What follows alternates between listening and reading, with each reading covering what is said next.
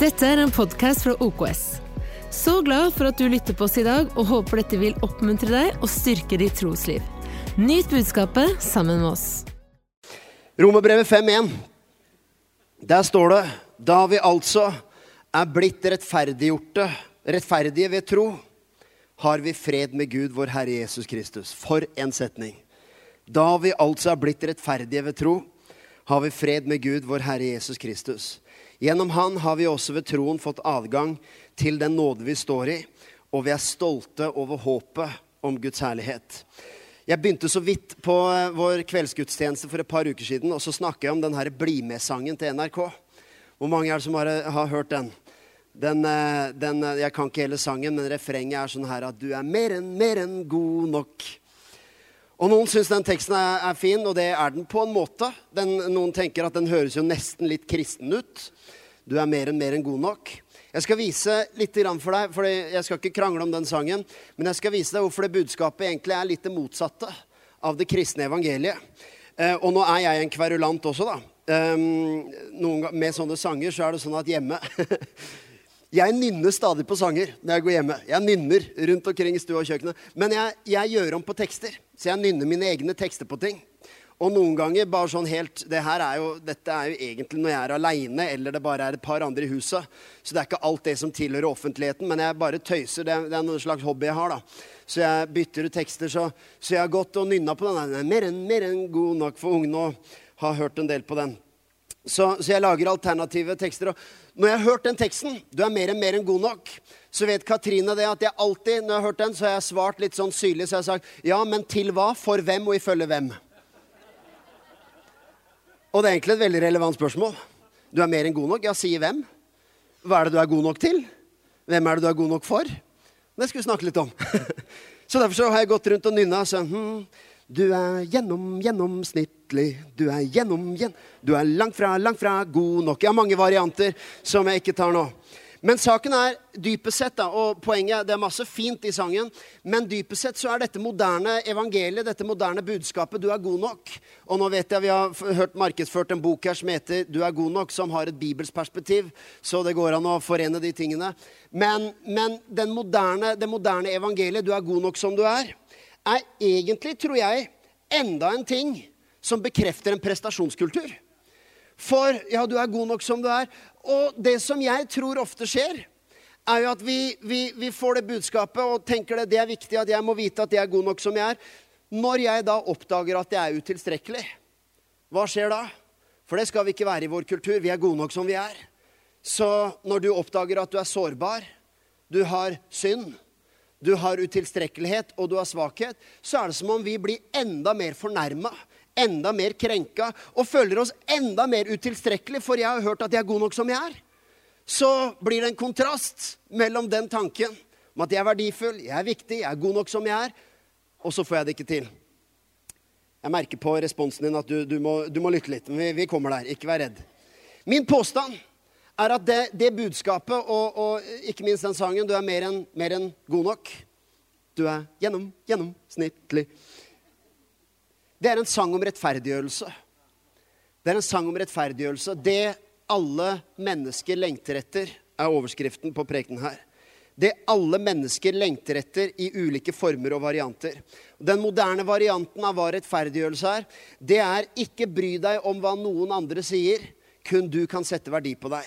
Det høres fint ut. Men neste gang det, det anbefales ikke, det er bare et tankeeksperiment.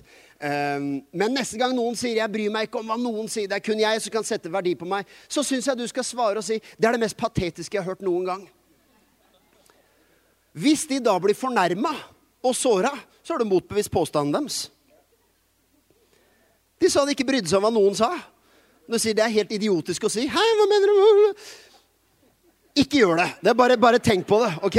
Vi er, vi er, kristne, vi skal være kjærlighetsfulle, rause. Det, det, er ikke sånn vi holder på, men det er morsomt å leke litt med tanken. For her er min påstand. Vi bryr oss om hva noen sier.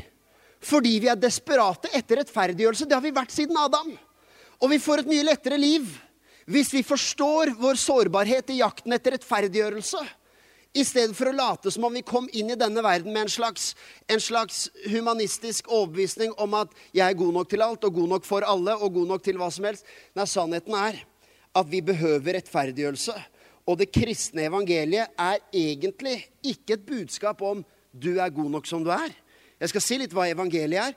Evangeliet er at du hver gang og midt i ditt liv hvor du stadig kommer til å oppleve å ikke være god nok, så finnes det en som tok hånd om all din utilstrekkelighet. Det er noe helt annet. Ikke dermed at jeg skal gå rundt og kverulere på sånne sanger, eller det fins sikkert verre ting man kan høre på. Men samtidig så ser vi spesielt i en snill kultur som i Norge, så sitter dette dypt i folkesjelen. At jeg henter min rettferdiggjørelse rett og slett i det motsatte av det teksten leste, gjennom gjerninger og ikke gjennom tro. Det er den norske folkereligionen.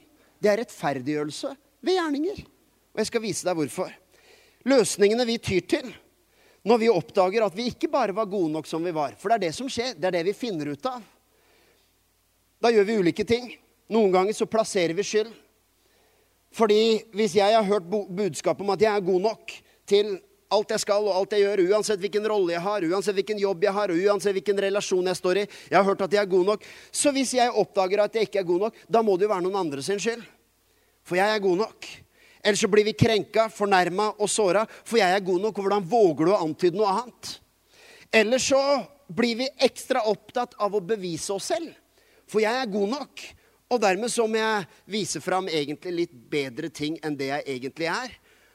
Eller så kamuflerer vi noen visse ting fordi jeg kan ikke vise svakhet, jeg kan ikke vise nakenhet, jeg kan ikke vise sårbarhet, for da blir jeg ikke rettferdiggjort. Da er jeg ikke god nok. Hvis folk så hva som virkelig foregikk, så ville, ikke, så ville, de sikkert ikke tenkt at jeg er god nok. Så ville jeg ikke fått rettferdiggjørelsen. Alle disse reaksjonene finner du i første Mosebok. Adam, Eva, Kain, Abel.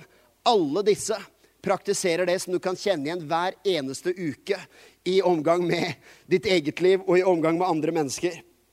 Mennesket er de desperat etter rettferdiggjørelse, men så får vi problemer når vi oppdager at vi innimellom er gjennom, gjennomsnittlig. Her er punkt nummer én. En fantastisk setning. Da vi altså er blitt rettferdige ved tro. Vet du at dette er kristendommens største mirakel og mysterium? Det er helt fantastisk. Og det tar et helt liv å utforske hva det vil si å være rettferdiggjort. Og jeg skal vise deg de neste minuttene at det er mer enn hva du tror. For noen ganger, også i vår forkynnelse, vi er en kirke som har snakka en del om dette temaet, så, så hender det at vi prøver å definere hva rettferdiggjørelse er med en setning. Ja, rettferdiggjørelse er rett stilling framfor Gud, f.eks. Og det er det også. Men det er så uendelig mye mer. Det å prøve å beskrive rettferdiggjørelsen med én setning yter ikke rettferdiggjørelsen rettferdighet. Det må sies egentlig Det, Det er for komplekst til at det bare er et innlegg i en TV-debatt. Man skal prøve å si hva kristendom er. Dette er hele livet. Det er til ånd, og det er til sjel, og det er til kropp. Det påvirker hele vår tankegang, vår psykologi, vår mentale helse, vår, våre ord. Det er et helt liv. Det er en altomfattende transformasjon som rettferdiggjørelsen har innflytelse på. Og jeg tror jeg kan si at jeg, jeg har, spesielt når man er litt inni det sporet sånn i, sine egne studier, i egne studier, så har man nærmest en ukentlig ny oppdagelse av hva rettferdiggjørelsen betyr. Og det er en veldig praktisk ting. For rettferdiggjørelse er mer enn en læresetning, det er mer enn en doktrine. Det er mer enn et bibelstudium. Det er noe som har veldig stor praktisk betydning for hvordan vi lever vår hverdag. Her er én måte å definere hva rettferdiggjørelse for et menneske er. Rettferdiggjørelse, og da snakker jeg både fra litt sånn Bibels perspektiv, men, men det her som alle mennesker lengter etter, det er som en CV. Jeg har med CV-en min. Her står det ulike ting. Kan være pastoral innimellom når han har tid. Hva er en CV? Jo, en CV det er en liste med resultater, gjerninger om du vil, som gir deg aksept og muligheter. Det er hva en CV er. Det er noe som rettferdiggjør deg, hvis vi bruker det ordet litt bredt. Når du skal søke på en jobb, og du viser fram CV-en din, så viser den hvor du har vært, og hva du holder på med, og hvilken utdanning du har. Det er en liste som skal antyde at du er god nok, du er rettferdiggjort for jobben. Du er kvalifisert for denne jobben, og den gir deg den muligheten. Og Hver gang vi ansetter noen i OKS, så synger jeg og Kjartan du er passe, passe god nok. Det er et slags første intervju vi har, da. Men saken er det samme systemet gjelder stort sett på alle livets arenaer. Det samme gjelder når man skal gifte seg. Katrine, her er Tynne legger. Eh, snill. Jo, men, men, det er naturlig. Det må være sånn. At det fins en del arenaer vi er på. Du, det er ikke sånn at du bare kan uh, Du er mer og mer enn god nok. Ja, til hva da? Ja, jeg vil spille på landslaget. Jeg vil spille på Norges fotballandslag. Ja, der, der kunne du kanskje vært god nok, faktisk. Men det, men det er, ikke, det er, ikke, bare noe du kan gjøre. Nei, du må vise til noe. Du må ha resultater. Du må ha ferdigheter. Du må være kvalifisert for det. Og det også kan bli nesten litt forvirrende når vi blir bombardert med 'du er god nok som du er'. Så er det litt sånn, nei, vet du hva, det er masse ting du ikke er god nok for. blir ikke oppmuntra en sånn her? Skal vi ta en liste av ting du ikke er god nok for? Men vet du hva? det er slitsomt å gå rundt og, og tro at du skal være god nok til alt. Er, å, Gud har ikke skapt oss sånn. Han har skapt oss med gaver som også har noen begrensninger. Fordi vi er ment å trenge hverandre. Vi er ment å spille hverandre sterke, og ikke minst i lederskap i et team. Så er det ingen som er god nok til alt. Og hvis vi tror det, så begrenser vi egentlig bare oss sjøl og de rundt oss. Problemet er dette her, at opp gjennom hele menneskehistorien så har all religion tenkt at relasjonen med Gud fungerer på samme måte som alle andre livets arenaer. Jeg kan peke på en CV av resultater, av gjerninger og prestasjoner som på ulike måter til slutt gjør at Gud eller gudene sier OK, du er rettferdiggjort. Det alle mennesker lengter etter. Så kommer dette evangeliet og snur opp ned på hele det paradigmet. Jeg vet For noen så tenker de at dette er kjent stoff. Jeg vet hva rettferdiggjørelsen er. Nei, jeg, jeg, tror, Det kan høres litt flåsete ut å si, men jeg tror hvis det er ens standpunkt til rettferdiggjørelse, så vet du ikke hva det er. For det er så altomfattende. Det er et totalt paradigmeskifte. Det er hva kristendommen er i sin essens. Det er egentlig litt morsomt at når mennesker skal karikere kristendom Jeg har sjøl hørt f.eks. fra eh, ateister når man skal eh, på en måte lage en karikatur av kristendommen så fremstiller man det nettopp sånn at ja, her går vi rundt og skal gjøre gode gjerninger på jorda, be mine bønner, og til slutt er det en mann der oppe i skyene som skal, som skal se på lista mi og se på livet mitt og si at det er greit. Det er ganske festlig at den karikaturen de lager, er en god beskrivelse av all religion bortsett fra kristendom. Fordi evangeliet er stikk motsatt. Det er en rettferdiggjørelse ved tro uten gjerninger. Det er radikalt den gangen. Det er radikalt i dag. Det har vært radikalt hele veien. Helt siden Adam og Eva. Vi har en rettferdiggjørelse som er i Jesus Kristus. En rettferdiggjørelse som gjør at min CV, som inneholder helt klart en del bra ting, men som også eh, har en del utilstrekkelige ting og en del ufullkomne ting, så er det sånn at Gud tok egentlig hele den CV-en og bytta den ut med sin egen. Så når Gud skal rettferdiggjøre, og Gud skal akseptere, enten vi snakker om på håper å si, dommens dag eller når vi er på den andre siden, men også i vår vandring i dette livet, så er min rettferdiggjørelse det alle mennesker, inkludert oss, lengter etter.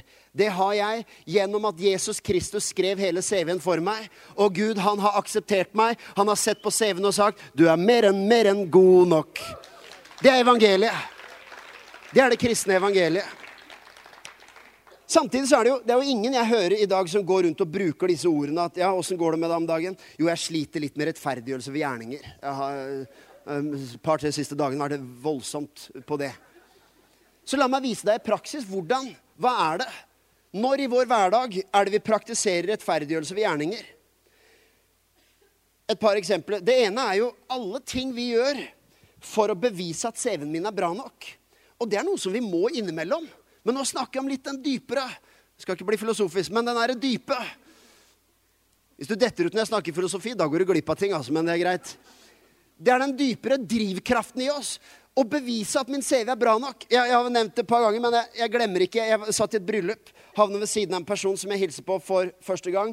Og han visste at jeg var pastor, eller han visste ikke at vi var pastor, men vi snakka sammen. Og så når det kommer fram at jeg er pastor, så er hans umiddelbare svar Å ja, du er pastor. Jeg har et fadderbarn jeg, i Afrika. Å ja. Du har det, du. Fantastisk.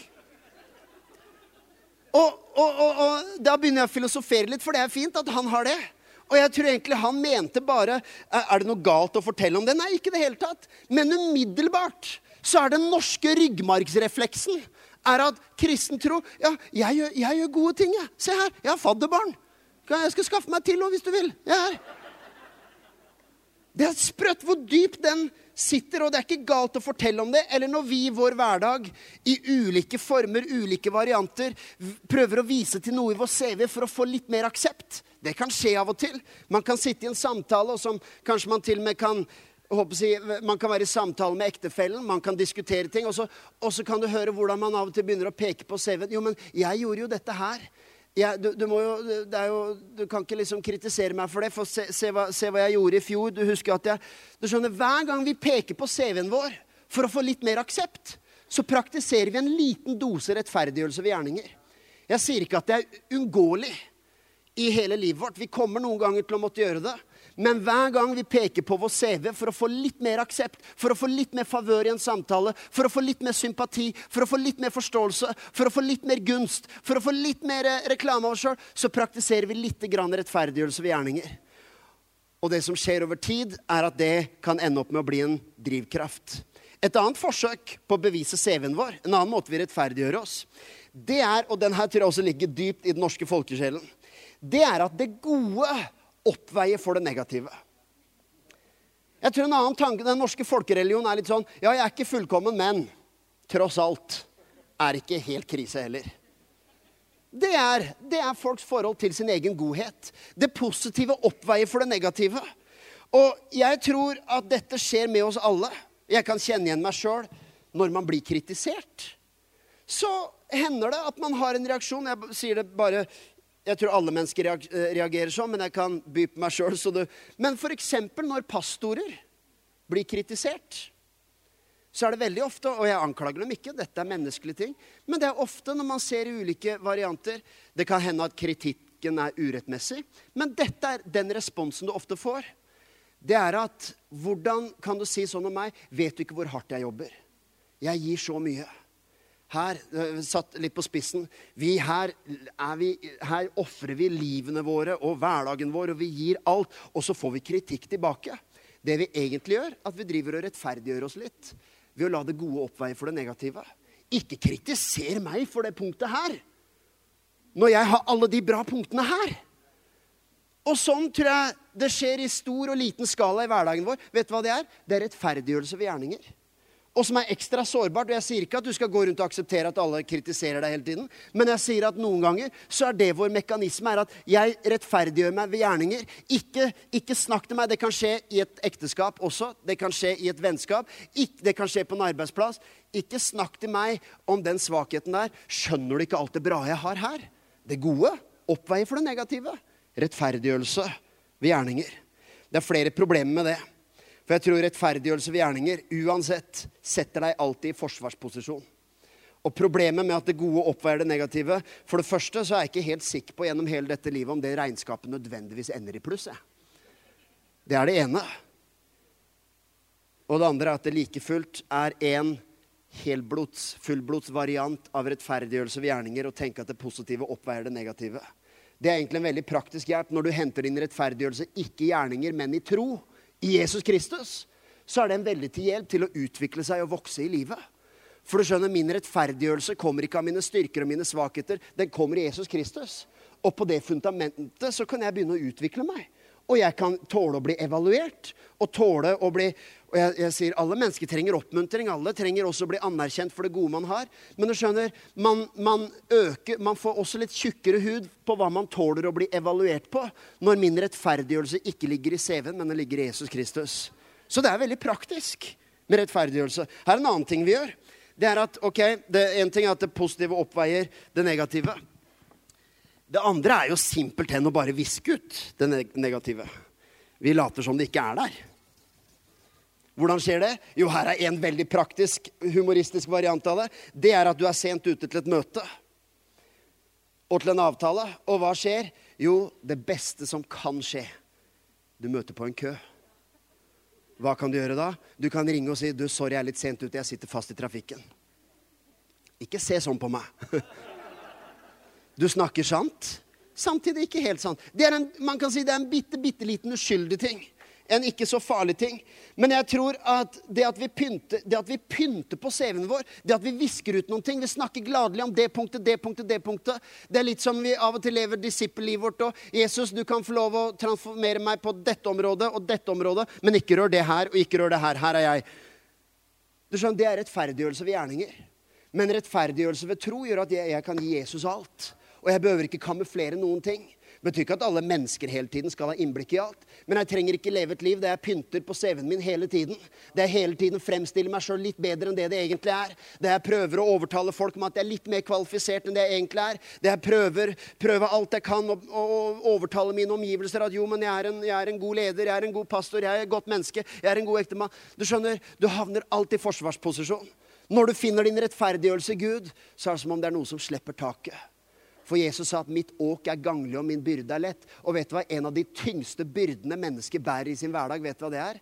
Jakten etter rettferdiggjørelse. Det er en fryktelig tung byrde å bære. Her er en annen ting vi gjør. Den er også ganske vanlig.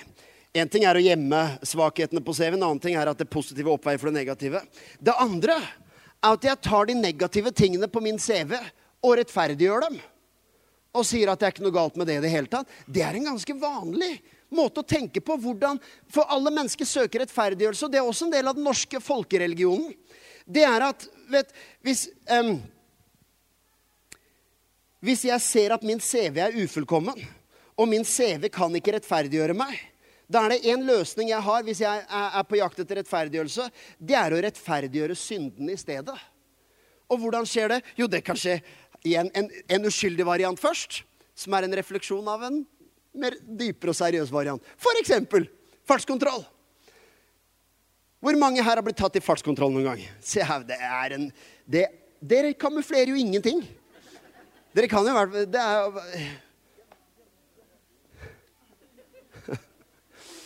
det var, det var sjokkerende mange, Kjartan. Tema i Life-gruppene våren 2021. Nei, 2020 blir Nei, men det er litt morsomt når man blir tatt i fartskontroll. Jeg kan høre meg sjøl òg, men, men uh, når det har skjedd, så er det litt morsomt, fordi man, man snakker sånn her Ja, hvor, hvor, var det du ble tatt hen, da? Uh, nei, jeg ble tatt der og der. Men vet du hva? Ja, jeg, det gikk litt over. Men jeg kan ikke skjønne at det er 80-sone der. Som i Jeg har egentlig ikke gjort noe galt. Jeg kan ikke fatte at det er en regel. Har du hørt den noen gang? Når noen gjør et eller annet liksom, grenseoverskridelse, og så får man uh, høre om det, og så bare Jeg kan ikke fatte at det er en regel. Fordi det er, en, det er den uskyldige varianten. Kan ikke fatte at det er 80-sone her. Det er på en måte det vi gjør. Hva er det vi holder på med? Jo, når CV-en min plutselig inneholder synd, så er jeg fortsatt desperat etter rettferdiggjørelse. Så hva gjør jeg da? Jo, da må jeg rettferdiggjøre synden og si det er det vel ikke noe galt med. Der skulle vi ikke vært 80-sone. Det der kan vel ikke være så ille sånn, uh, sex utenfor ekteskapet kan vel ikke det, Vi finner vel en måte i Bibelen som det kan rettferdiggjøres Det fins ulike varianter. Og, og, jeg bare tar det som et eksempel, for det er veldig veldig typisk moderne håndtering av en ufullkommen CV. Vi rettferdiggjør syndene i stedet. Men saken er dette her, når du har fått rettferdiggjørelse i Jesus, så er ikke disse syndene så himla skremmende. Litt filosofi, men ikke mye. Egentlig er det evangelium. Du skjønner For mange nordmenn, for mange mennesker, så tror jeg at det er egentlig ikke syndene som skaper fordømmelse. Ofte er det selvrettferdigheten. Fordi det er ikke nødvendigvis sånn La oss si at noen begår umoral på et eller annet område. Man begår synd, for å bruke klassisk ord. Så kan man si at det, det ser ut som av og til fordømmelsen kommer ikke nødvendigvis av selve handlingen. Fordømmelsen kommer av at jeg kunne gjøre noe sånt. Så selvrettferdigheten er noen ganger et større problem enn synden. Fordi det, på en eller annen måte som jeg rettferdiggjør det. Fordi, fordi det, det, det, er greit andre kunne gjøre det. Men jeg kunne ikke gjøre noe sånt. Jeg tror at det som er grunnen til at noen mennesker overarbeider og blir slave av jobben, er jakten etter rettferdiggjørelse. Når ens rettferdiggjørelse ligger i arbeidet, når ens rettferdiggjørelse ligger i karrieren, så klarer man ikke å legge det fra seg.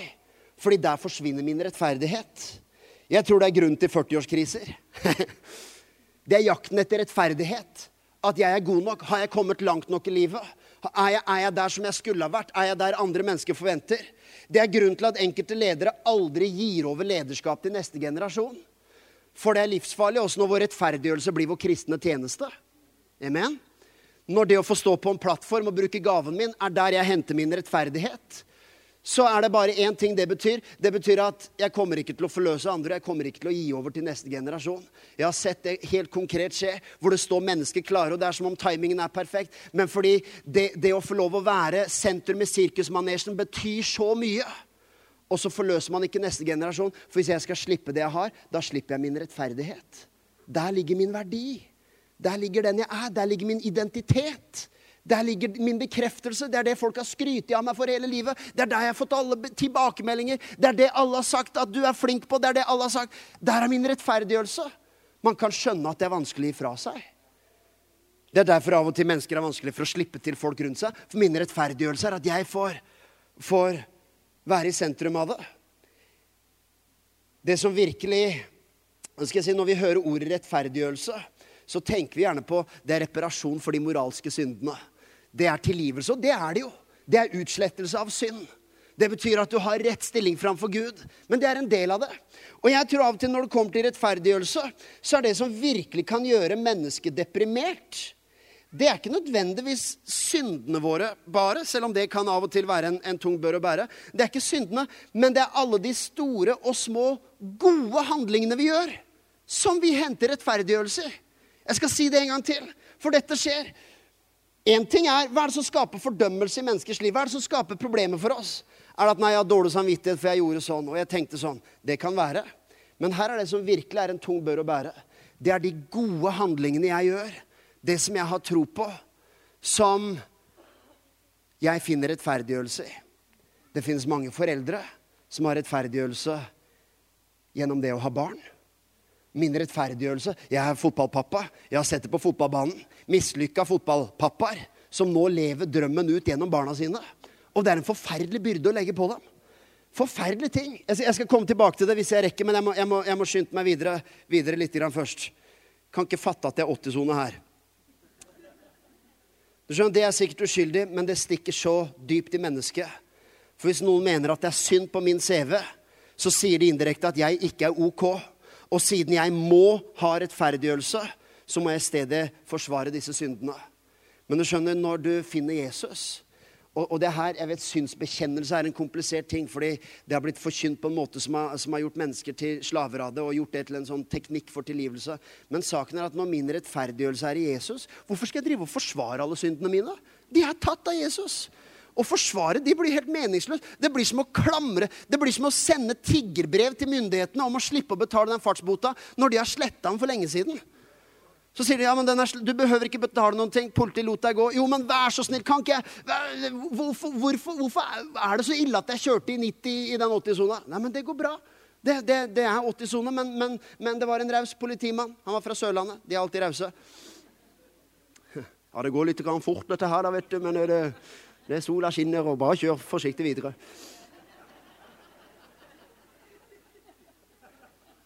Hvis du har blitt ettergitt, hvorfor skal du på død og liv skal du på død og liv kjempe for dette? Nei, når du har funnet rettferdighet i Jesus Kristus, så er det ikke noe vanskelig å kunne kalle det bekjenne sin synd, men la oss kalle det erkjennelse. 1. Johannes 1,8 sier at om vi sier at vi ikke har synd, bedrar vi oss selv.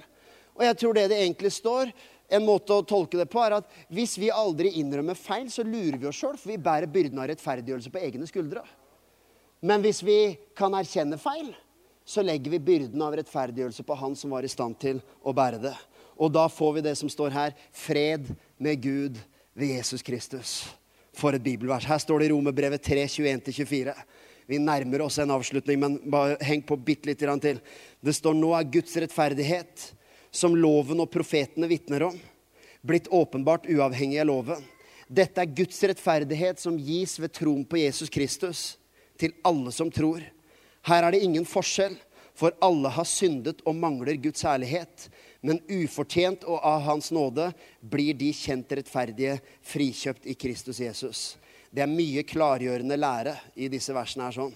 For det, det, er helt åpenbart at den rettferdiggjørelsen Jesus tok på korset, den er kun gjennom troen på Jesus Kristus. Og kun gjennom at vi forkynner evangeliet, at mennesker får høre ordet om korset og får høre ordet om Jesus. Vi tror ikke på en sånn teknisk, automatisk rettferdiggjørelse. Nei, det er noe som mennesker må akseptere, ta imot og si 'jeg aksepterer din rettferdighet og ikke min egen'. Det er, så det er mye her som er klargjørende.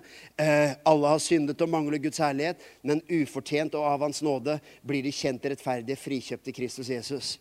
Jeg, skal, eh, eh, jeg var i diskusjon en, eh, med en skikkelig ateist. Jeg kaller det en diskusjon. Jeg, tenkte, jeg skrev samtale, og så strøk jeg nei, det var en diskusjon. Det var det det var. Vi begge var ivrige. Men det var interessant. For noe av det som vår diskusjon handla om, en sen fredagskveld hvor jeg spør, fordi han, han, var på en måte veldig, han kom veldig direkte på uh, hvor, hvor, egentlig han mente at kristen tro var en mentalsykdom. Og mente at egentlig så, så er det, en, det, det, burde behandles av terapeuter fordi det er en vrangforestilling så, så, får vi en interessant samtale ut fra det. Og så, er noe av mitt spørsmål tilbake at hvis du kun er et resultat av evolusjon, atomer og molekyler. Det er ingen design bak. Det er, ingen, det, det er, det er rett og slett den her fiskearten i Nord-Afrika for mange millioner år siden som utvikla seg på en måte som ingen kunne ha forutsett. Og vips, her er vi. Hva er det som gir deg verdi? er et av spørsmålene. Hva gjør deg verdifull? At du er mer enn mer enn god nok? Hvem, hvem sier det? Evolusjonen? Det, det er jo ingen.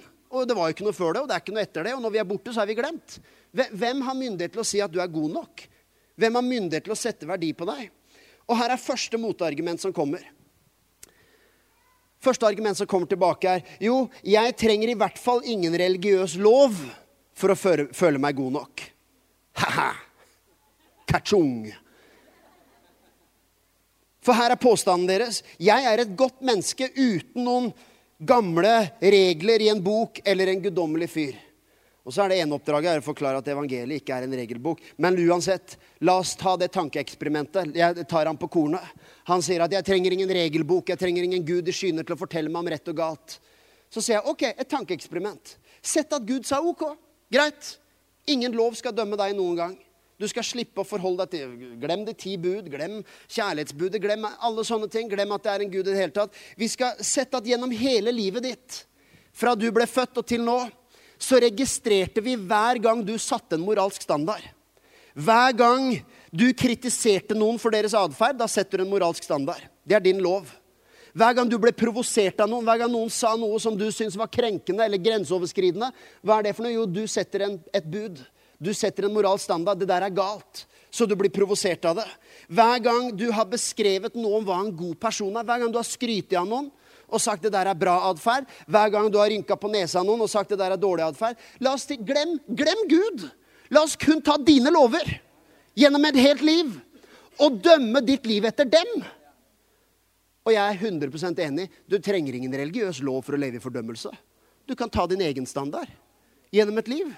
Du kan stå der hvis det er en dommedag på den måten, og nå tror du ikke på det, men vi kan ta det, summen av den standarden du satte gjennom livet, summen av alle de forventningene og reglene, og dømt deg, fått en dom basert på det regelsettet. Sannheten er du ville vært langt fra noen rettferdiggjørelse. Så det er det ene. Men her kommer det neste argumentet, for vi har i stedet fred med, i Gud med Jesus Kristus. Der er min rettferdighet. Så vet du hva? For det første så har min Gud sagt at jeg er nå rettferdiggjort uten noen lov, som vi nettopp leste. Så det er fantastisk når de sier at jeg trenger ingen mann i skyene til å bestemme. Nei, han mannen i skyene han har faktisk frikjøpt meg fra den loven. Så der er vi i samme båt på en måte. Men han har rettferdiggjort meg ved den ene Jesus Kristus. Her er neste argument om hva er det som gir meg verdi hvis det ikke er noe Gud inne i bildet. Og det er her det blir litt personlig. Siste seks minutter igjen står det på klokka mi. Her kan det bli sensitivt. Fordi det det kom fram til til slutt i en sånn samtale For jeg, jeg følte at, eh, at uh, i den samtalen så fins det egentlig ingen gode argumenter for hva gir mennesker verdi, uten at noen er der til å rettferdiggjøre. Um, og så kommer det til slutt til dette at han sier ok, det som gir meg verdi og gjør livet mitt viktig, er datteren min. Og han var eh, eh, Trenger ikke å beskrive alle detaljer i hans livssituasjon, men det hadde vært litt røft. Hadde vært litt opp og ned og frem og tilbake, og han hadde den datteren annenhver uke. eller noe sånt. Men han sa det som virkelig gir livet mitt verdi, og som gjør meg viktig og verdifull, er at jeg har en datter, og hun elsker jeg overalt på jord. Og da, da, skal ikke vi komme inn og kverulere og begynne å argumentere. Men likevel, jeg kan si det til deg, for dette er en bibelundervisning. Det er livsfarlig å søke min rettferdiggjørelse gjennom barn. Det er en forferdelig byrde å legge på noen. Jeg er verdifull pga. datteren min. For en byrde for henne å bære. Og dessuten er det ekstremt egoistisk. Men det er veldig utbredt å søke rettferdiggjørelse. Vet, Det er helt naturlig at en pappa og en mamma er stolt over barna sine. Det trenger de jo. De ønsker jo at pappa var stolt av meg. Det er en fantastisk ting. Men når jeg søker rettferdiggjørelse gjennom mine barns fremgang, så kan jeg si at jeg ønsker dem suksess, lykke, fremgang og hell på sin vei. Men det handler jo dypest sett ikke om barna, det handler jo om meg. Og hva er problemet med det? Jo, problemet er at når de kollapser, så kollapser jeg. For når de svikter i livet, så forsvinner min rettferdighet. For jeg elska de overalt på jord, og der var min rettferdiggjørelse, der var min verdi. Det er det som gjør meg viktig. Så hvis de plutselig gjør noe som er skamfullt, hvis de plutselig så er det som om der ryker rettferdiggjørelsen. Og det er jo det som skjer med mange foreldre. Man blir så totalt hjerteødelagt tvers igjennom. Og jeg vet at det, det er vanskelig å, å, stå her med Jeg har fortsatt små barn som ikke er gamle nok til å kunne ta virkelig, virkelig destruktive valg. Så jeg vet at eh, jeg sitter og kanskje ikke har troverdighet til å snakke om det. Men det er så vondt å se noen ganger hvordan de voksne blir så gjennomødelagt. Og jeg forstår, ja, det er kjærlighet, men noen ganger er det også fordi at de er vår rettferdiggjørelse. Og noen ganger, det kan, det kan, være barna, men det kan være alt det andre jeg ramsa opp i stad. Enten man søker rettferdiggjørelse gjennom barna, gjennom karrieren, gjennom huset, gjennom hagen, gjennom bilen, eller gjennom min kristne tjeneste. Der er jeg verdifull. Hva er det som gjør meg verdifull? Jo, det er at jeg får gjøre det jeg gjør nå. Nei, vet du hva? Å hente rettferdiggjørelse gjennom din rolle i kristen tjeneste, gjennom visse verdier som du ønsker å bli kjent for. Det er det jeg mener med at det er ikke syndene som gir oss fordømmelse. Det er at nei, jeg er kjent for å være god på dette her. Så hvis du da noen gang blir kritisert på det du føler du er veldig edel på, der du har dine verdier, og det du, det, så er det som om vi rakner innvendig. Hvordan kan du ta meg på det? Det er min rettferdighet. Hvordan kan du kritisere meg for ikke å være sjenerøs? Sjenerøsitet er min greie. Det er, det er, det jeg skal bli kjent for. Det der er min rettferdiggjørelse. Jeg gir til de fattige og, og, og skriver om det og forteller om det, fordi det, det, det er der jeg får. Og så kommer du og, og sier om at jeg ikke gjør det nok. Så er det som om vi rakner innvendig når noen pirker borti det som er vår rettferdiggjørelse. For en frihet å ha rettferdiggjørelse i Jesus Kristus. Og vet du hva? Jeg er fortsatt bare 40, så det er tidlig i livet. Men jeg ønsker aldri å være en av de som står der for det ene og klamrer fast på min plass og min plattform og min posisjon, for dette er min rettferdiggjørelse. Dette er det som gjør meg verdifull. Nei, jeg håper at vi kan ha en forløsende kultur der vår rettferdiggjørelse er i Jesus Kristus. Jeg har ingenting å bevise annet enn å være lydig mot Han og gjøre Hans tjeneste og få lov å leve full blomst i det Han har kalt meg til. Jeg håper også at når livet byr på noen, noen, smertelige ting og noen utfordringer, så er det verken barna eller hytta eller karrieren eller bankkontoen som er det som gjør meg verdifull, og som jeg klamrer meg til som min rettferdiggjørelse. Min rettferdiggjørelse er Jesus Kristus. Så kan resten av mitt liv bygges på det fundamentet. Så jeg kan vokse og lære og utvikle meg og ta alle stegene. Det tredje og det aller siste vi har fått adgang til den nåde som vi står i. For en fantastisk ting og stolte over håpet om Guds herlighet, står det til slutt der. Den fjerde også. Stolte over håpet om Guds kjærlighet. For å, for å virkelig vite hvor er din rettferdiggjørelse, så er det bare å lytte til hva du skryter av. Hva er det du er stolt over? Tenk litt på det. Hva er det du er virkelig stolt over i livet? Hva er det du er skikkelig stolt over? Jeg kan svare for deg, for min del. Jo, jeg er stolt over barna mine. Jeg er stolt over kirka mi. Jeg er stolt over Kjartan. Han har alltid vært som en datter for meg.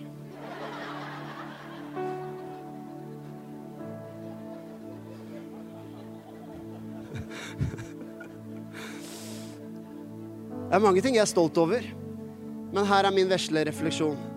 Gjennom livet ingen synd å være stolt over ting. Jeg, jeg er dritstolt over barna mine og legger bilder ut av dem, og det er fantastisk.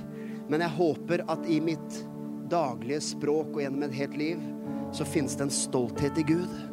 Stolthet i rettferdiggjørelsen. Hva var det, det som vi leste aller først, Romerbrevet 5, 1? Eh, kan du ta helt til? Um, gjennom ham har vi også fått, ved troen fått adgang til den nåde vi står i. Og vi er stolte over håpet om Guds herlighet.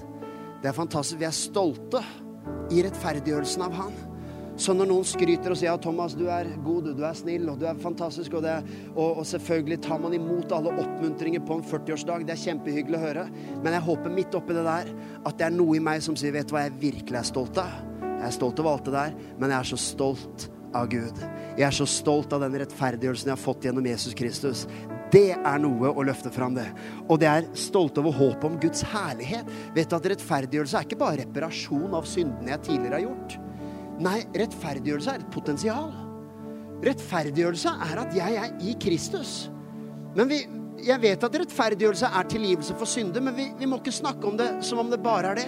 For det er det, er, det, er det også.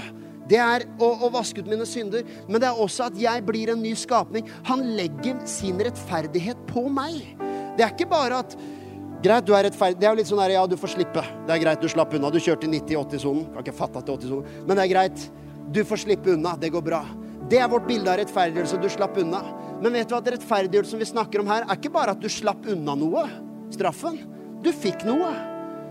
Det ble lagt noe over deg. I Kristus er det ikke bare at du er moralsk ren. Det er ofte det som vi kanskje begrenser rettferdiggjørelsen til. Jeg er liksom uten synd, jeg er hellig, ren, moralsk. Nei, du har fått hans fred. Jesus er full av tro. Han er full av mot. Han har masse styrke. Rettferdiggjørelse er ikke reparasjon bare av fortiden. Det er ditt potensial for veien videre. Jeg er rettferdiggjort. Noe som, det er lagt noe over meg som gir meg en styrke ulikt noe annet til å håndtere virkelig de smertelige tingene i livet. Og det er fantastisk hvordan jeg da kan behandle meg selv annerledes. Aller siste illustrasjon, så er jeg ferdig. Har vi bilde av en møkkete bil her? Du vet eh, Jeg vet ikke om du, eh, om du er vant med det. Hvis du, hva, hva, hva, hva har Her er mitt spørsmål. Hva har et rotete kjøkken, en møkkete bil og et ødelagt feriebudsjett til felles? Hva har et rotete kjøkken, en møkkete bil og et ødelagt feriebudsjett til felles? Jo, når det først har gått litt langt, så er det ett fett med resten. Når bilen først er møkkete, det er ikke da du sier til ungene forsiktig, ta dere støvlene, det det er, det er møkkete, det er gjørme på støvlene. Hvis bilen er full av gjørme, og den ser sånn ut, så er det ikke så nervøs for at det skal komme støv, for det er så mye støv der allerede. Samme når du har et rotete kjøkken. Det kan ikke jeg huske å ha hatt etter vi gifta oss. Var det bare stryket den på CV-en min.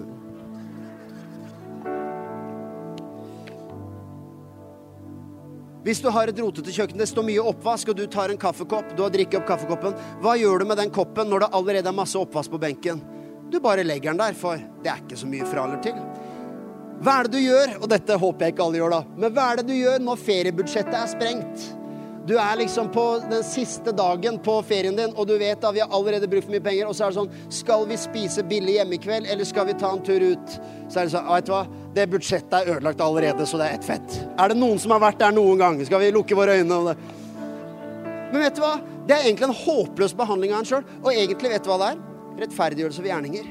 Fordi sånn behandler vi livene våre òg at det er ikke så farlig å behandle meg med verdighet. Det er ikke så farlig hva jeg gjør på det området, for jeg har allerede svikta. Det er ikke så nøye med, med hvordan, jeg, hvordan, jeg, setter grenser eller tar tak i ting eller tar ansvar for ting, for jeg er allerede skakkjørt. Det er ikke så nøye hvordan jeg behandler dette området av livet, for der er det så mye grums uansett. Bare tenk gjennom det. Dette gjør mennesker hele tiden. Hvor kommer rettferdiggjørelsen inn i bildet? Jo, du kan behandle, hvis du forstår illustrasjonen her, hvert glass som om den som om benken alltid er ren. For du vet hva som skjer når du tar en kaffekopp, og det er helt strøkent. Det er rydda ut av oppvaskmaskinen. Alt er i skapet. Ikke noe på benken. Sånn, eh, det kalles også permanent tilstand hos familien Åleskjær. Hva gjør du med den ene kaffekoppen som da er møkkete? Ja, da setter du den inn i oppvaskmaskinen. Fordi nå vil du ikke rote til det som er så bra. Nå er det rydde. Hva gjør du med bilen når den er helt nyvaska, skinnende ren og polert for høsten eller for våren? Og det, hva sier du til ungene da? Vær så snill, kan vi, passe, kan vi ikke, pakke dere inn i pusseskinn i dag? Sånn at dere ikke kommer borti noen ting i bilen eller interiøret eller skinnsetene eller noen ting. For nå er bilen så rein, jeg vil gjerne holde den sånn. Du skjønner, når du ser at ditt liv, når du vet at du er rettferdiggjort, du er vasket 100% vet du hva som begynner å skje da? Du begynner å behandle deg selv annerledes. For i stedet for å bare rakne litt til, det er ikke så nøye, for det er allerede ute å kjøre. Jeg har allerede gjort de greiene, og jeg kan like gjerne pushe grensene der. Det er møkkete allerede. Nei, du kan se deg, selv, se deg selv gjennom rettferdiggjørelsen. Jeg er 100% tilgitt, renset, rettferdiggjort, vasket ren. Fy filleren, han her må behandles med verdighet. Han her skal virkelig leve et liv som reflekterer denne rettferdiggjørelsen. Så uansett hva slags grom som ligger i din vei, uansett hva du angrer på, uansett hva du er skamfull over, i dag, denne søndagen, så har du rettferdiggjørelsen over deg. Som betyr at de valgene du tar i morgen, trenger ikke å være liksom bare sånne shit heller, konsekvenser av alt som har skjedd de siste årene. Nei, vet du hva? Du kan ta og se på ditt liv som skinnende ren, som rettferdiggjort, og så kan du begynne å ta ansvar ut fra det. Og få lov å behandle deg selv som det rettferdiggjorte mennesket du er. Amen? Rettferdiggjørelse er fantastisk. Gi Jesus en lovprisningsapplaus. Han er fantastisk. Takk for at du tok deg tid til å lytte på en av våre podcaster fra OKS. Vår visjon er å bringe Jesus til mennesker i vår verden, og mennesker i vår verden til Jesus. Følg oss ellers på vår YouTube-kanal og sosiale medier. Du er velkommen til å besøke en av våre kirker. For mer informasjon, sjekk ut oks.no.